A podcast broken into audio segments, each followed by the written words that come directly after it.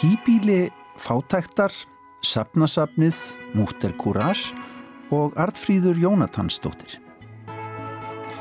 Vísjá í dag verður rætt við Solveigu Ólafsdóttur, sagfræðing, sem ásand þeim Finni Jónasinni og Sigurði Gíló Magnúsinni hefur ritað efni ný útkominar bókar sem heitir Hýbíli fátæktar, húsnæði og veralleg gæði fátæksfólks á 19. og fram á 20. öld. Fjallaverður um endurútgáfu á ljóðum Artfríðar Jónatansdóttur í bókinni Þröskuldur húsins er þjöl en það er una útgáfuhús sem nú gefur þessa bók út Hún kom fyrst út árið 1958. Tveir af forsprökkum forlagsins, Einar Kári Jónsson og Jóhannes Helgason, koma á ræða um þessa merkilúu bók. Marja Kristjánsdóttir leiklistarínir viðsjár fjallar svo um síninguna Múter Kurás eftir Bertolt Brecht en hún er útskriftarverkefni leikarabrautar Sviðslistadeildar Listaháskóla Íslands og sett upp í samstarfi við leikfélag Akureyrar og Þjóðleikúsið. Og við förum í huganum norður í land þegar Starkaður Sigurðarsson flytur okkur myndlistarpistil um sapnasapnið á Svarbalseri við Eigafjörð.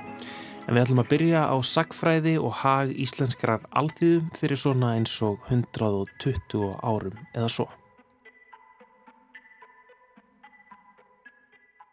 Til er reytröð sem heitir Sýnisbók Íslenskrar alþýðumenningar og það var að koma 24. bindið í þessari stórmerku reytröð það sem er já, farið fram og aftur um aldir og tekinn fyrir ímis söguleg málefni. Nýjasta heftið heitir Hýbíli fátæktar, húsnæði og veraldleg gæði fátæks fólks á 19. og fram á 20. öld og höfundarnir eru þrýr sem að skipta millir sín efni bókarinnar. Finnur Jónasson, Solveig Ólafsdóttir og Sigurður Gilvi Magnússon. Solveig er gestuminn í dag. Solveig, eigum við ekki bara segja það sem að kannski er undirlikjandi í þessari rannsóknu okkur þetta var stritt Já og mér finnst í raun og veru okkur finnst svolítið vera komin einhvers konar svona fátæktar glýja einhvers konar romantísering á, á, á hérna þessari bara þessari hörmung sem að íslenska þjóðin bjó við holt og bolt mm -hmm. Þarna, og þarna eru við að grýpa niður í, í raun og veru á tvo staði, Reykjavík og Hafnafjörð og í raun og veru kannski fjalla svolítið almennt um, um þetta tímabill. Uh, maður gerir sér kannski meira grein fyrir því eftir á að hekja að uh, kannski var íslenska þjóðin bara mjög traumatíserið akkurat á þessum tíma um kringum aldamátti 1900 Uh, áratugirni þar á undan hefur verið bara alveg hræðilegir mm. það er alveg ástæði fyrir því að fólk flyktist til Ameríku og það var ekki dáið úr einhverju mislingaföröldrum og þetta, þetta var, maður hefur bara sér það að þetta er, það, fólk er svona traumatíserað, það er bara það er eiginlega búið, svolítið búið á því og er að reyna samt að koma sér fyrir eins og til dæmis í mínu tilfelli í minnum kapla í í rauninni hafnafyrði mm -hmm. og er að fara, sett, koma það að þangað úr af öðrum stöðum, af, af Suðunesjum, af, af, af Vasslesuströndinni og Krísuvík og, og fleiri stöðum. Og, og koma sér fyrir á stað sem að var nú ekki beint svona búsældarlegur þar sem raunnið í hafnafyrði þó að það sé fallegt ásýndara þá gata verið óttalega grimt og erfitt. Og sem sagt í mínu tilfelli e, þá er ég að hérna, þá reyndi ég að, að í raun og veru bara að hugsa mér, ég er bara konan sem bara dett niður úr bara himninum og bara alltaf, eða sett já, árið 18, 1902, ári, ástæðin fyrir árinu 1902 eru nokkur, það er, það er tilmanntal 1901, það sem er tekið í áslokk 1901, en á sama tíma er, eru, eru sem sagt hérna uh, er verið að teikna kort af hafnafyrði. Mm. Það er sem sagt teikna 1902 og prenta 1903 og það er hlut af þessum gömlu herfóringjarraðskortum. Mm. Og kortið er, er algjörlega gullfallegt. Og ég hef svo gaman á kortum, þau eru bara, það er eitthvað svo ótrúlega magna við þig og, og þetta kort er í þannig skala að, að, hérna, að, að þú getur í raun og veru svolítið hérna gengið á milli húsa. Uh, og, það er, og það eru það er teiknað inn á þetta bæði raun og möl og sandur og, og það, þessi örfáu græsblettir sem að voru þarna á þessum tíma og maður hefur nefn fær mjög mikla og sterkar tilfinningu fyrir fyrir landslæginu og í raunum veru því sem að þetta fólk var að takast á við þar sem það setjast að í þessu raunni mm. Þú skoðar þarna annars vegar svona það bara lýsir þessum húsakosti sem umræðir húsin tekur hérna sunnan og vestan lækjar alveg skipulagt fyrir en síðan erstu líka að skoða hvernig þeir sem að búa við kröpkjör eru að hafa samband við yfirvöldir það ekki? Og, og, og eiginlega sko lýsa neðsynni Jú, þú, sko... þú sleppir eiginlega svarinu frá hennu ofnberða Já, ég gerði það viljandi ég gerði það viljandi vegna þess að að í raun og veru aðtúasemtir yfirvalda í þessum ofnbyrju heimildum sem ég er núna búin að lifa og hræðrast í, í, í árum saman að þau eru svo, þau eru svo aggressív oft á tíðum, mjög aggressív. Og þau kæfa niður þessa rödd einstaklingana sem eru þá að finna í, í skjálasöfnum og í þessu tilfelli að þá var þetta mjög ævintralegt að finna þessi eh, refstemdarinnar Þarna eru við ennþá stödd að Hafnarfjörður ekki orðin sjálfstætt bæðafélag, heldur bara hluti af, af gardarreppinum forna mm -hmm. og á sama tíma þá er mikil útgerð hafinn og, og, og það er mikil hugur í fólki að tafnamönnum í Hafnarfjörði að gera sér gildandi í, í hinnum nýja sjávarútveg og gáti sem sagt þess vegna veitt vinnu og annað en, en á sama tíma þá voru, sko, voru yfirvöld alveg logandi hrætt við að fá einhvern á hreppin Já. og það er alveg, er verið að velja og hafna inn í, inn í reppin alveg þess og kruss og það er til dæmis eitt gott dæmi sem að, að ég að vísu bara minnist á í þessari bóka en tek svo betur fyrir annar staðar að það er sem sagt, það kemur umsókn, umsókn frá manni sem hafi verið þurrabúðamaður í njárvíkonum og vilt pá að setja staði í hafnafyrði á samt fjölskyldu sinni mm og hann sem sagt í raun og veru skila tiltúlega skikkanlegri sko, umsögnum sig en það fylgdi með svona kæftasagum það að hann ætti sem sagt heyrnar og málösa dóttur mm. og það var alveg nóg til þess að, að viðkomandi fekk ekki, eða fjölskylda fekk ekki að setja staði hafna fyrir því. Mm. Svo þegar ég skoði þetta betur að þá var þessi heyrnar og málösa dóttir svonur sem verður sko gildandi hérna borgar í Reykjavík signa í, með í, bara flottur í sinni yngrein og, og áttu fjölskyld og svo framvegis. Mm. Og þannig að sér maður, sko, auðvitað er, getur maður líka sett sér svolítið í spór uh, þessara ræpstumdar sem að eru náttúrulega bara fólkið í kringu þig, sko, þetta þetta, er, þetta er alltaf sama. Þetta er bara, þetta er bara hérna, vestlunarstjórin eða, eða, eða skipseigandin eða eitthvað sem er líka þá oddvitinn og, og svo framvegis. Mm -hmm. Að hérna, það, þetta, þetta, það að fá þungan uh, þurfamann inn er, er bara heilmikið mál mm -hmm. og það er ekki síður úrraðaskortur sko repsnömdarinnar eða, já, eða repsins yfirvalda gagvart þessum, þessum þingstu þurfamennum Þarna getur myndast ofsalega sérkennileg í raunum veru sérkennileg svona já, einhver svona vinnuskipti eða þú veist, það er Eh, það er einhver sem er alveg á brúninni, einhver ekkjan sem er alveg á brúninni að fara á hreppin en tekur að sér þá kannski einn eða tvo þurfamenn og fær borga með þeim til sín og er þá bæði búin að leta á hérna, já, letir þá margfalt á hreppsnefndinni, mhm. bæði hann fær borgað þannig að hún þarf ekki að fá borgað og svo tekur hún að sér einhverja sem hefði verið kannski átt í vandraða með að koma fyrir einhverstar annar staðar mm -hmm. og þannig myndast hún einhver svona einingar svo það finnst mér alveg stórkoslegt hvernig ekkjur, af því að þarna fer bara annað hver maður í sjóin, Akkurat. það er bara þannig Það er kaplið sem ég er mitt við að missa fyrir vinnuna, það Já. gerist auðvitað það eru áföll sem að dinja yfir Já, það, það eru áföll og, þau, og einhvern veginn að það að það er, það er sem sagt það fyrirst verið alltaf eins og það er svona fyrsta árið er, er, er mjög erfitt.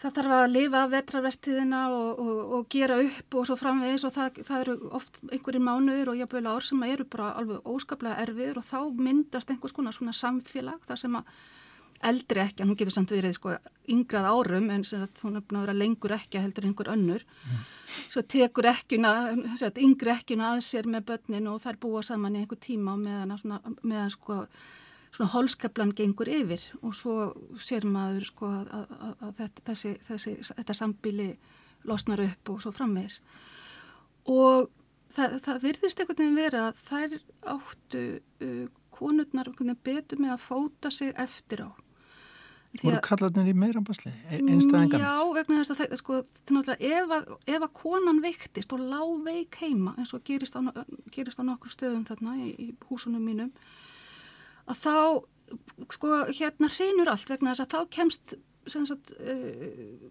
bóndin eða húsbóndin ekki, ekki af bæ til þess að vinna fyrir sér því að yfirleitt þurftu þeir að fara þess að eitthvað annarkort á sjóin eða, eða þú veist í kaupamennsku eða eitthvað svona mm -hmm. frá bænum Akkurat. og ef þú varst með sem sagt, sem sagt ung börn þá var, þá var þetta alveg var þetta alveg fatalt og ég sé alveg sko þeir bara þeir verslast hreinlega bara upp sko. og svo ef þeir, ef þeir lenda í einhvern slesum eins og til dæmis eitt verður handlama og það er bara, það er alveg klárlega þá, bara, þá brotnar allt nefur mm -hmm. Hann sem sagt bara fær síkingu í, í sá sem að færa á annari hendi og það er bara nóg til þess að að fjölskyldan hún er bara úr leik sem, sem eining mm. og bara allir eru bara búðinir upp og niður. Sko það er ekki nema 117 ár síðan að þú dettur nýr úr hérna, heimninum til ásins 1902 í Hafnarferði og skoðar ástandið þar.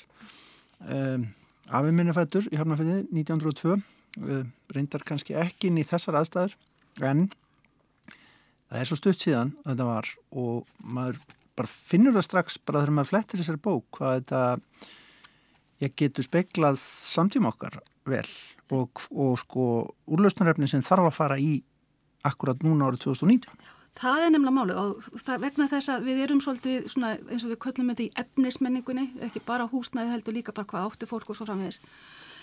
Og þá er í þessari bók, það er að fjóruði hlutin af, af, af, af bókinni er ekki texti heldur myndir. Mm. Og þetta er myndasepp sem Sigurður Guttámsson sem að bankastarsmaður í Vestamennægjum tók á árunum svona 1930-1945 af kovaregsnum eins og hann kovaregsnum eins og hann sagði, kallaði þetta sjálfur. Og hann hafði þetta bara að senda áhuga máli að sapna þessum myndum af bara hýbílum fátækra og sapnaði myndunum í album og aðfengti svo Alþjóðsambandi Íslands í kringu 1960 þetta album með þeirri bríningu að Alþjóðsambandið ætti eitthvað að gera í húsnæðismálum fátakra. Oh. Og þegar maður bara sko, leggur þetta saman við þá umræðu sem er í gangi núna þá ser maður uh, margt sko, liggja á sömu línum. Oh. Þessi bók, útgáða hennar er styrt af ASI og, og hérna, og þetta er bara einhvern veginn galdur sem gerist þegar maður leggur þennan texta og þessa myndir saman og einmitt með þessari bríningu ennþá til alþjóðsambandsins og og veru okkar. Mm -hmm. Bæði það að gleima þessu ekki og ekki reyna að romantísera þetta. Nei. Þó þetta sé, þó þetta sé til kannski eitt og eitt krútlegt hús málarauðt í hefnafyrði. Þetta er hörð lífsborða. Hún er það. Solveig, takk fyrir komina og til hamngi með þessa áhugaverð bók við söndum hvaðið til hinna höfundan að tvekja. Takk fyrir. Næst ætlum við að skella okkur í leikhús. Marja Kristjánsdóttir, leiklistar Rínir Vísjár, fjallar um síninguna Múter Kúrás eftir Bertolt Brecht. En hún er útskriftaverkefni leikarabrautar sviðslistadildar Listaháskóla Íslands og sett upp í samstarfi við þjóleikúsið og leikfélag Akureyrar.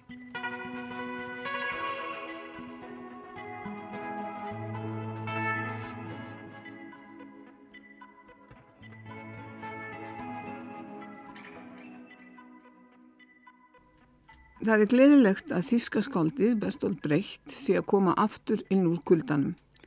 Þessi mikli áhrifavaldur í nútíma evrósku leikúsi. Ef allar sést svo síning á fjölunum þar sem ekki eru notaðar einhverja þar nýjungar í leikúsvinnu sem hann var frumkvöðlað. Við fallmúsins tókst nýfrálsíkunni og fylgisveinum hennar engar vel upp við að gera Brecht ekki húsum hæfan. Ástæðan var auðvitað svo að Brecht var snemma á ferlinu marxisti og leita á marxismann sem aðferð í leikúsi til að greina veruleikan og reyna að afhjúpa þau lögmál sem drífa kapitalist samfélag áfram og skapa þekkingu á þeim. Líkt og hatari hópurinn vildi hann losa okkur við kapitalisman.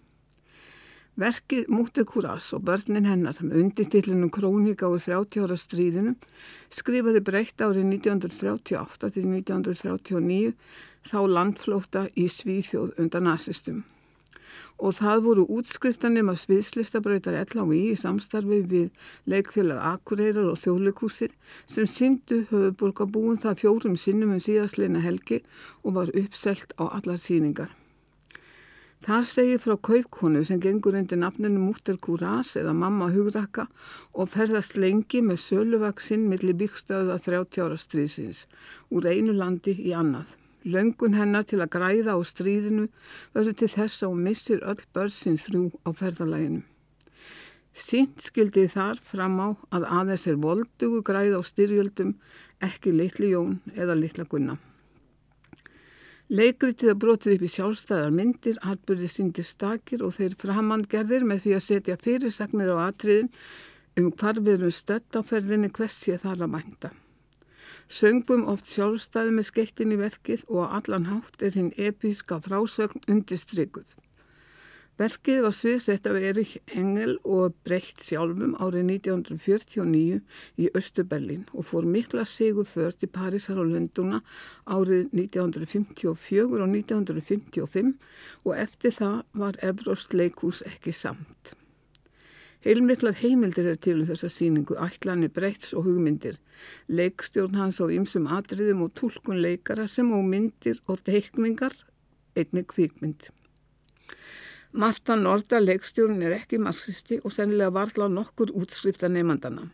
Því er ekki hægt að ætlast til þess að í síningunni sé gerð tilrönd til að lifta fram dialektískri hugsun leikusmannsins.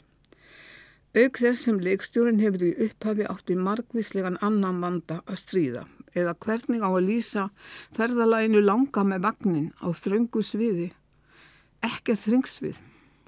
Hvernig fjöldar sinnum og hvernig eiga alla stúlkunar í hóknum að njóta sín þegar hvern hlutverk er aðeins þrjú en að vísa ákallega bitastæð eins og jafna hjá breytt. Megin tilgangur þessara síningar hlítur nefnilega fyrst og fremst að vera sá að leifa útskriftanemyndunum að njóta sín, sína hvað þau hafa lært hvar hæfileika þeirra liggja. Í andabreiðs þá undirstrykar hins vegar Marta vægi leikópsins og episka þáttinn. Það er leikópurinn sem er að segja söguna sem lýsir sér til dæmis þegar kól þeirra flyttu fyrirsagnir nokkur að atriða.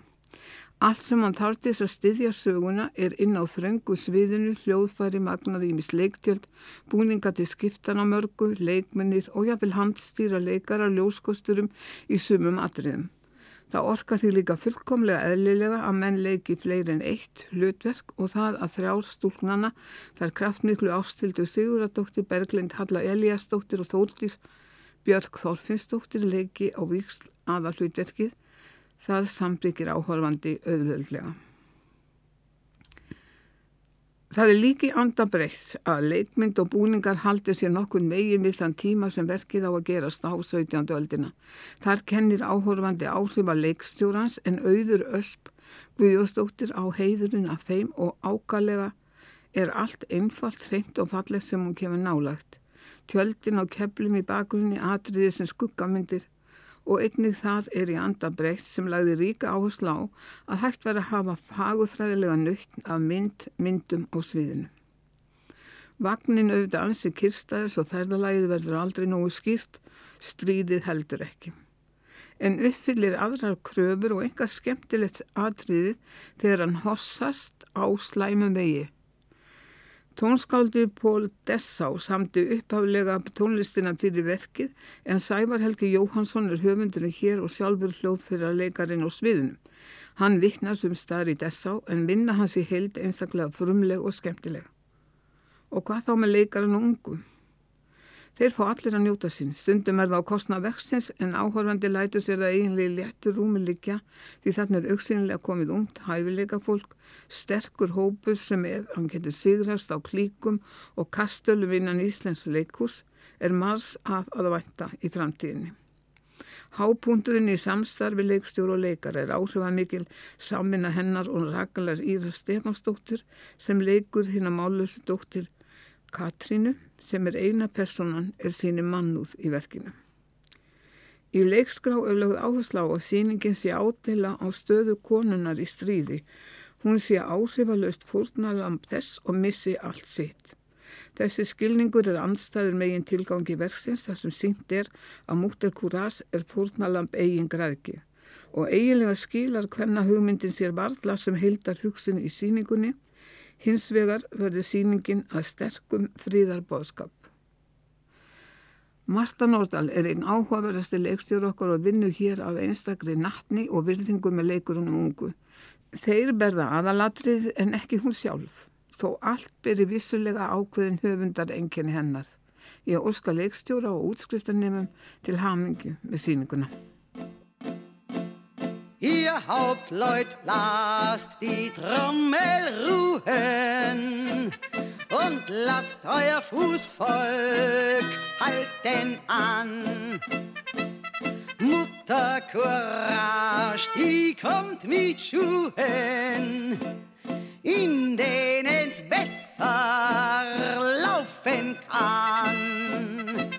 Mit seinen Läusen und Gehen Tieren, Bagage-Kanone und Gespann. Soll es euch in die Schlacht marschieren,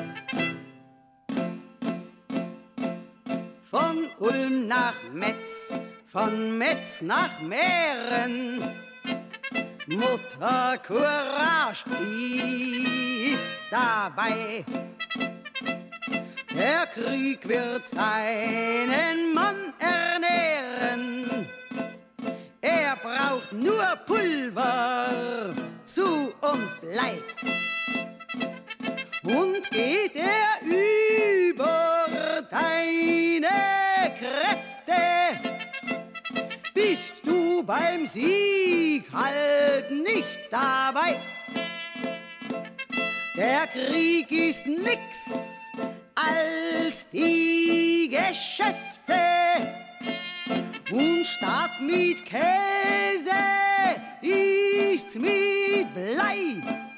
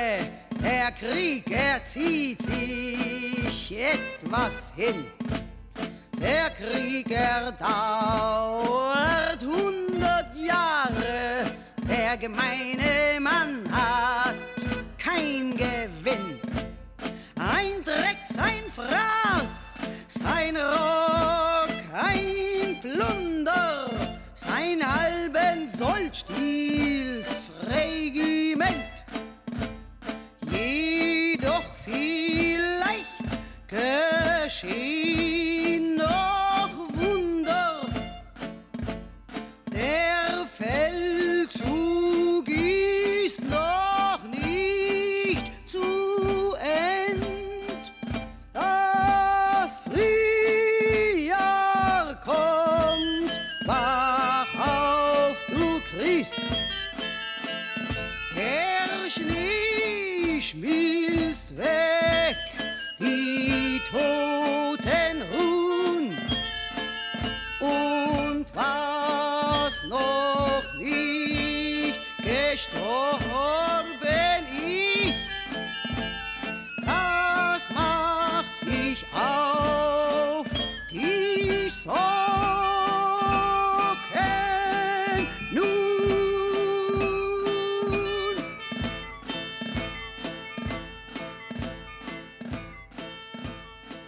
Tónlist eftir Pál Dessá úr leikritinu Múter Kúras sem að Marja Kristjánsdóttir fjallaði um þarna. Það er uppsetning leikara, brautar, sviðslistadeildar Listaháskóla Íslands í samstarfi við leikfélag Akureyrar og þjóðleikhúsið sem að Marja fór og sá á dögun. En við ætlum að fara yfir í myndlist. Já, Starkaður Sigurðarsson fór nú á dögunum á Sapna-sapnið á Svalbarseyri. Þetta er skemmtilegt sapn sem að er opið á sumrin. Við skulum heyra hvað Starkaður hafði um heimsóknina að segja. Annan laugardag í mæ opnuðust eins og á næri því hverju ári síðan 1995 hurðirnar á Sapna-sapninu og fyrstu gestir ársins gengu inn.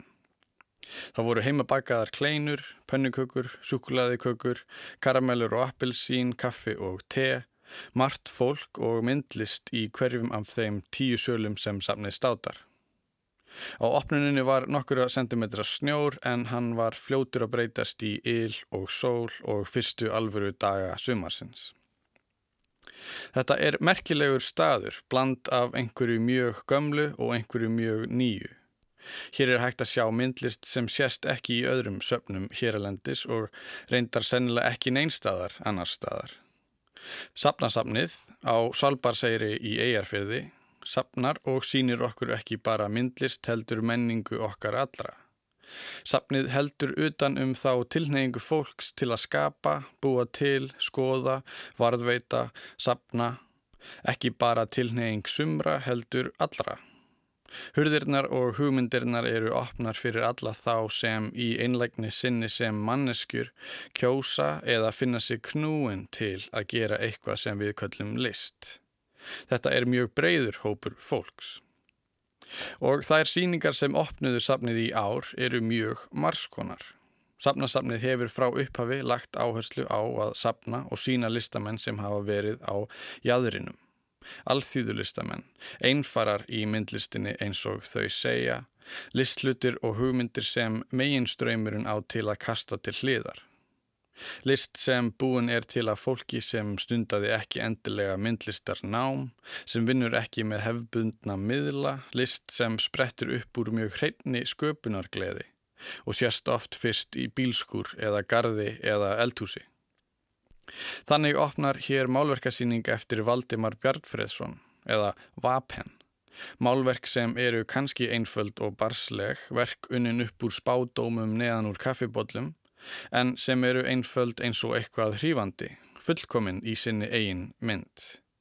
Í öðru rými á annari hæðinni eru skúltúrar, klippimyndir og tekningar eftir Þórð Guðmund Valdimarsson, fættur 1922, sem kallaði sig Kiko Corriró sem læriði þjóðréttarfræði í Bandaríkjunum og Fraklandi og hjælt fyrstu listsýninguna sína ekki fyrir en hann var rúmlega 60. Sapnasapnið hefur í geimslum sínum um 120.000 verk eftir hann. Stór gjöf. Á samt tónum er til sínis í Suðurstofinu verk eftir Alla Má Indriðarsson, listamenn ársins 2019 á hátíðinni List án landamæra Hann málar, teiknar, tússar, söguhetjur, ofurhetjur, kvökmyndarsenur, hann að sína einn búninga og gjörninga. Þá eru til sínis um 360 fugglar, tálkaðir, smíðaðir, leiraðir, járnaðir í síningu sem hefur staðið frá því í fyrra en nú gefur safnið út sínisbók þá þriðju í seríunni til að marka og kynna þessa safneign sem enn stækkar. Á vegg á efrihæðinni eru í hillu 230 ylvassflöskur af öllum mögulegum gerðum sem þó þær séu á bakvið plexigler en finnst lykt af. Flöskur í 230 mismunandi formum, þekkt eins og Chanel eða Beckham, en líka minni og fágætari. Samt sem maður myndi kannski ekki halda að hefði mikil áhrif á mann fyrir maður sér allar þessar flöskur saman. Sumar í læginu eins og blóm eða ringur eða varir og nef, Aðrar eins og flöskur eiga að vera eins og maður sér í bíómyndunum eða í skúfu hjá ömmu. Eitthvað sem maður kannast við lyktina af. Þetta er gjöf til sapsins frá Söru Holm sem sapnað hefur þessum flöskum í þó nokkuð mörg ár. Eitthvað sem byrjaði fyrst sem hlutir sem hún týndi kannski ekki að henda og endaði í því að fólk var farið að heyra af henni á kúabúinu sínu og senda hennar sínar einn flöskur, góð lykt eður einn. Þanga til þetta var orðið sapn. Það er gaman að fara á sapnasapnið af því þegar maður er þar þá stækkar hugmyndmanns ekki bara um myndlist okkar heldur um allt hitt sem við eigum sameinlegt líka. En hugmyndin tegir sig lengra af því ásand því að sína þessa minni þekta listamenn, listamenn sem fá sjaldnar tækifæri á því að sína sína list, þá opna hér síningar á meira mainströms listamönnum líka, reyndum listamönnum, lærðum jafnvel. Hér er til sínisverk eftir Steingrím Eifjörð, kynjamyndir, sem sínt var í Feneim þegar hann var fulltrú í Íslands á tvíæringnum þar 2007. Það er síning á verkum Eiglóar Harðardóttur sem hlaut myndlistaverðun ársins 2019 frá myndlistaráði, krýnd myndlistamæður ársins af menta- og menningarmálaráðherra. Það er síning á verkum Auður og Lói Guðnadóttur, kvartningarverðurinn að hafa ársins 2018. Eftir Guðrunu Höttu Bjarnadóttur er vefnaður, mjög djúsi eins og maður segir damask vefnaður sem hún vinnur út frá teikningum eftir sinni sína og svona sinni. Rúna Þorkelsdóttir sínir hér prent par excellence sem hún prentar á pappir en í samvinni við fatahönnuð hafa líka klætt Michelle Obama fyrirverandi fórsetafrú. Þetta eru ekki jaðar listamenn beinlínis. Stefna sapsins að sína alþýðulist, að leita í þennan jaðar, sínir líka hvernig það sem stundum er séð eins og tveir heimar, listasenan, listnám, opimberi list og síðan jaðarlistamenn, þeir sem kallaðir eru föndrarar, grúskarar, fólk sem tekur upp á því að búa eitthvað til úr spítum eða flöskum inni á eldúsborði eitthvað upp úr fymtugt, er mun nær því að vera einn heimur en margir kannski telja. Þetta getur safnasamnið af því það býr til þetta miðjuplás sem sínir okkur samegnina okkar og afl þess að gera eitthvað sem okkur finnst skemmtilegt og áhugavert. En svona staður verður ekki til af sjálfu sér. Níels Hafstein og Magnhildur Sigurdardóttir, hjónin sem stopnuðu safnasafnið, myndlistamaður og geð hjúgrunar fræðingur, byggðu upp þennan stað sjálf. Safnið er ekki stopnun, það er rekið af einstaklingum og án mikill að tekna. Það er oft til að vera þannig í myndlist og menningu á Íslandi að það eru einstaklingar og einstaklingsframtök sem búa til og varðveita eitthvað mikilvægt sem sinna likil hlutverkum og það er nær alltaf launalaus vinna. Er hægt að búast við því að menningararfur varveitist á einstaklingsframtaki og fórn?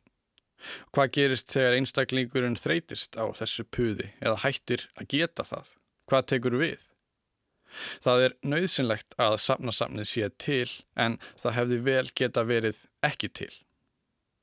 Þessir hlutir, þessi vittnenska, áhugin á þessari starfsemi og því fólki sem oft var að búa til sína list í tómi hefðu alveg eins getað haldið áfram að sitja í kössum í skúrum og ratað upp á hauga einn dag. Menningararfur okkar er ekki til í loftinsigluðu rakastiltu herbergi heldur í geimslum og skúrum og húsum sem á hugsanlega að rýfa. Það þarf einhver að fara að ná í þá, skilja þá, merkja þá, passa upp á þá. Miðað við þá menningar þjóð sem við viljum segjast vera er stuðningur okkar við listir lítill og óreglulegur. Fyrir utan það að geta séð í safnasafninu þessa list, einstaka, krefjandi, auðvelda, glada, óvenjulega, þá er gestristni Níelsar og Magnhildar eins og gerist best.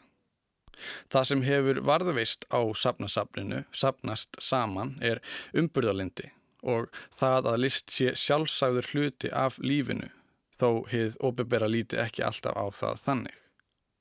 En það verður opið í samnasamninu í sumar og þetta er góður staður til að heimsækja. Passið ykkur bara þegar þið farið nýja ringtorkið að enda ekki í göngunum.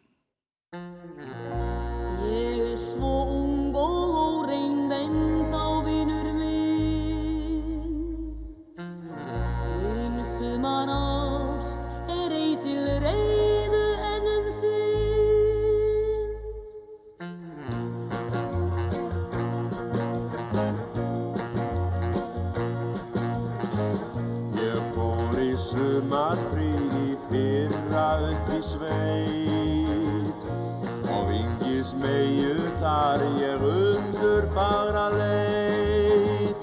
Hún mælti orð sem eigur hug mér munum ást. Mitt hjarta söng hún er þín sumar ást Ó, sumar ást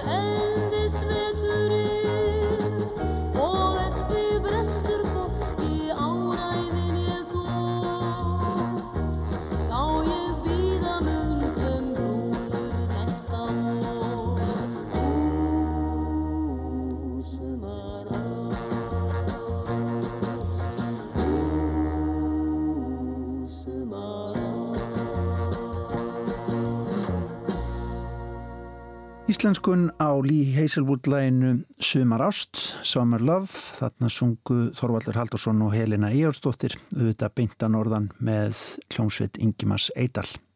En við ætlum yfir í ljóðin.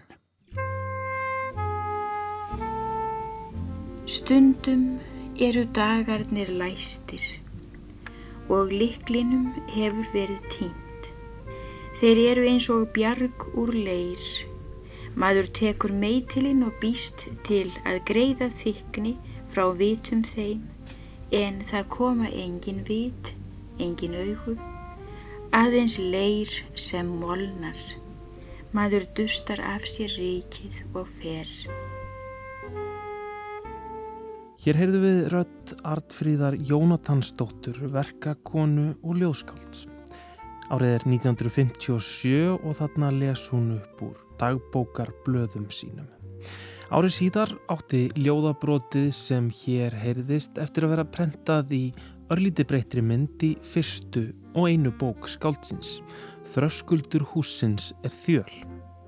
Þetta var á hápunti formbyltingarinnar í íslenskri ljóðagerð, modernismin, atomljóðin voru að riðja sér rúms og Artfríður var einn farra kvenna sem letaði sér kveða í þessum nýja stíl.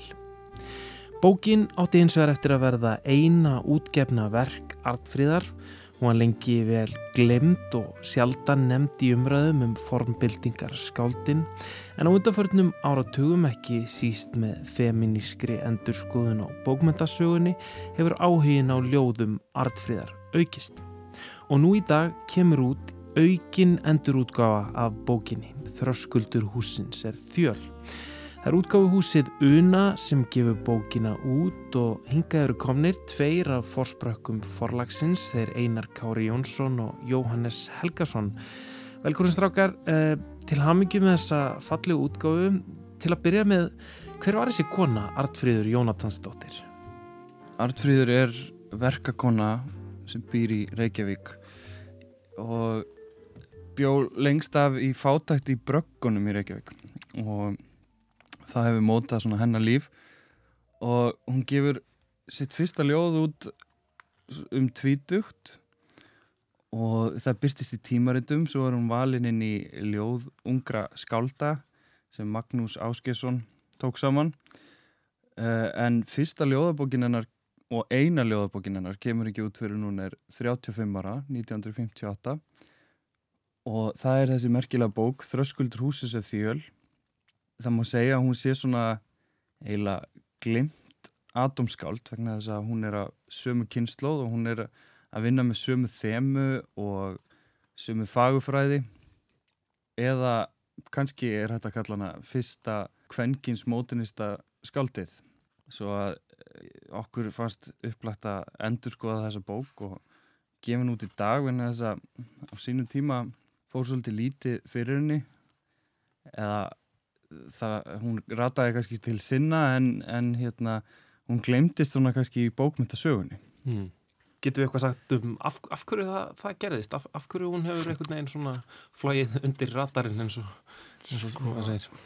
Í bara bókinni Atomskaldin eftir hann Eistein Þorvaldsson þar sem hann er að rekja svona upphafmótunism á Íslandi þá skautar hann fram hjá henni sko en það getur líka verið út að ef hún gaf út bara þessa einu bók það er svolítið freistandi að, að setja það í svona kynjasamhengi sko mm. þetta er náttúrulega atom, umfjöldun um atomskáld er mjög karlæg og það eru karla sem skrifa bókmyndasöguna til að byrja með og þeir sleppa henni Já. en svo þegar bókmyndasagan er skrifuð aftur, það er að segja þeirra fimmbynda verkið um íslensk bókmyndasaga kemur út, þá er enda Silja Aðalstein skrifar langan kabla um artfríði vegna þess að henni finnst hún skipta máli veist, þrátt fyrir að hún hafi aðeins gefið út þessa einu bók þá, þá finnst henni samt. Já.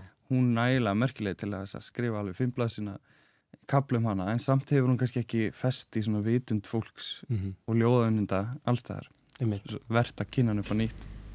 Væntingin týnir fengsinn úr neti. Alvot dægur upp úr öldunum.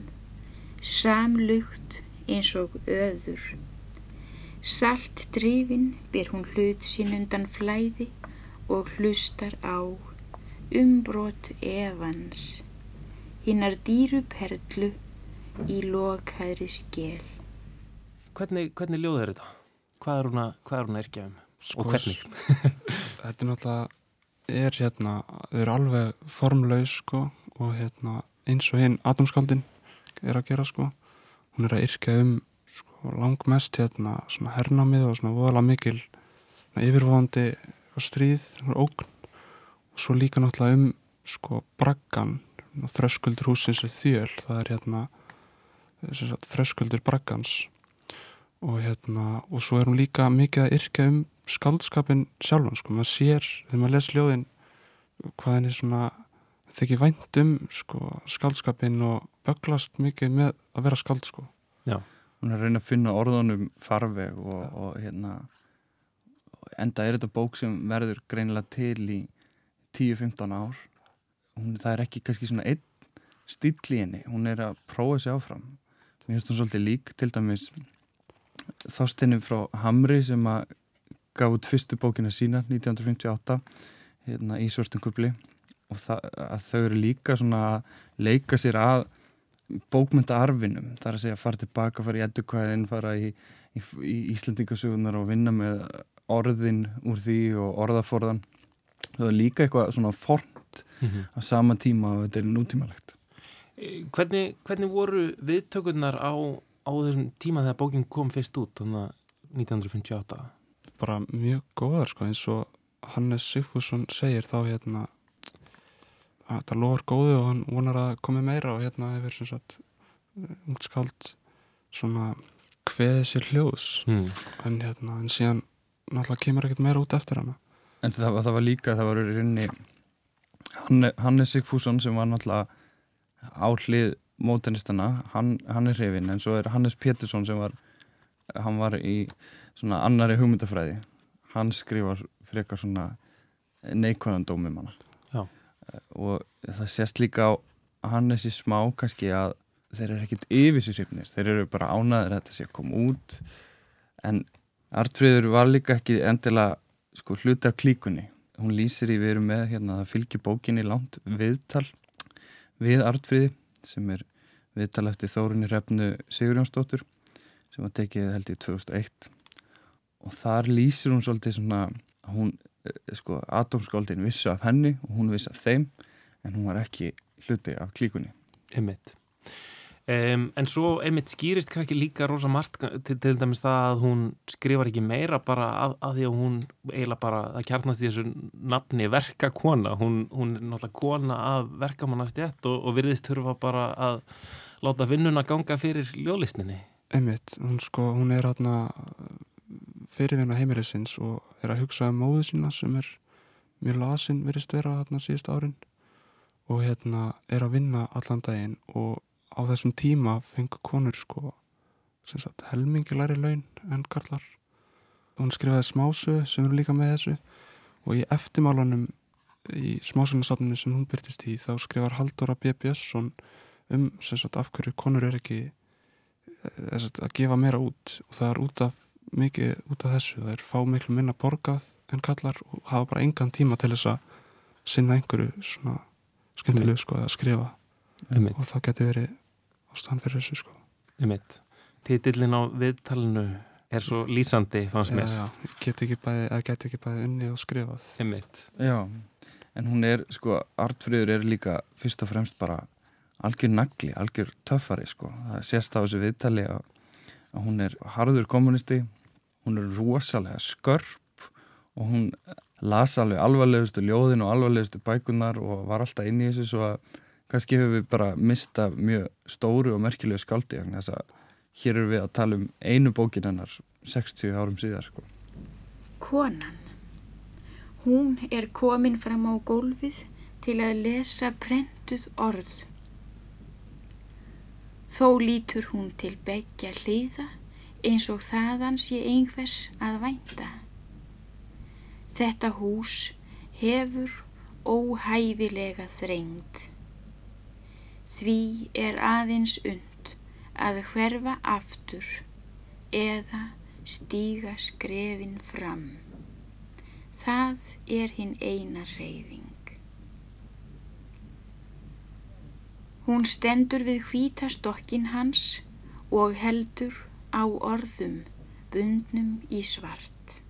Það er svolítið áhugavert í þessu viðtali hjá Þórunni að Þórun vill eiginlega draga upp þessa mynd af fortíðinni, svona svartkvít mynd. Það er að segja að það hefur verið erfitt að vera kvenkin skáld út af því að kallan er réði og vissulega var þetta þannig að einhverju leiti en Arnfríður vill aldrei leika þetta alveg þetta fórnalam sko. Hún segir bara jú þetta var að vissuleiti svona en það var líka bara vinnan og, og Mhm. annað það var, og, þú veist, við verðum að taka inn í myndina hún er mjög fátæk býr í bragga og er verkakona með fullt að gera svo að hérna vissulega Einmitt. voru strákandi meira ábyrjandi og, og hérna og þeir voru líka að afgreða svona skálskap sem bara eitthvað svona voða krútlegt hjá stelpunum Einmitt. en Artfríður vildi aldrei alveg skilgreina hlutina þannig. En af hverju, af hverju reyðist þið í það að fara að endur útgjöfa þetta núna? bara okkur þykir þetta svo merkileg bók sko og þú veist við erum að skoða bókmyndasöguna aftur og þetta er algjörlega eitthvað sem þarf að meta aftur sko Einmitt. það er líka Og bara hérna, já, fleiri konur sem að þurfti kannski að, að gefa út aftur og, og setja í nýtt samhengi og segja við samtíman þetta er eitthvað sem skiptir máli og er já, gott og allt það sem er talið klassist en það voru nokkri sem bent okkur á þessu bók sko. ég heyriði fyrst af henni hjá Dagníu Kristjáns í bókmyndafræðinni og svo var það líka höfundurinn Sjón sem að talaði fyrir því að þetta er merkilegt verk sem að ætti að koma aftur út. Og hann skrifaði svona lýsingu hérna aftan á bókina hvað honum finnst. Og hann er heldur betur já, jákvæðir Já. svo að hérna já, þetta er bara þessi hugmyndafræði að draga fram glemt og falin verk og, og endur skilgreina þau og vona að þau rati til lesenda sem að njóta þeirra og hafi kannski áhrif. Kannski verður nefnt nafnið hennar næst þegar það er kent Adam eh, skáldinn í, í, í mentaskóla eða eitthvað þannig sko. Rímustef. Tegldan hefi bát af orðum Tegldan mér svo hendi. Veltir hvika völdum kýli Fáðum steini Viðjum veikum bundin. Ber á farið gósið Fjöður brjósti áltar mista ofar burtu fló hún. Létti íti læt úr vör þegjanda í kurli geisla bárur höndum fleita flegi og blaka kinnung kinnung blaka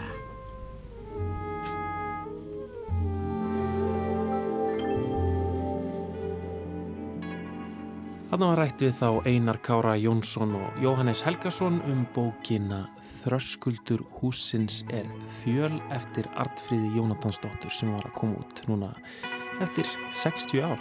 Já, gaman að því. Við ætlum að ljúka við sjá í dag á þessari áhugaverðu endurútgáfu. Við þökkum kærlega fyrir samfélgin í dag. Verið sæl.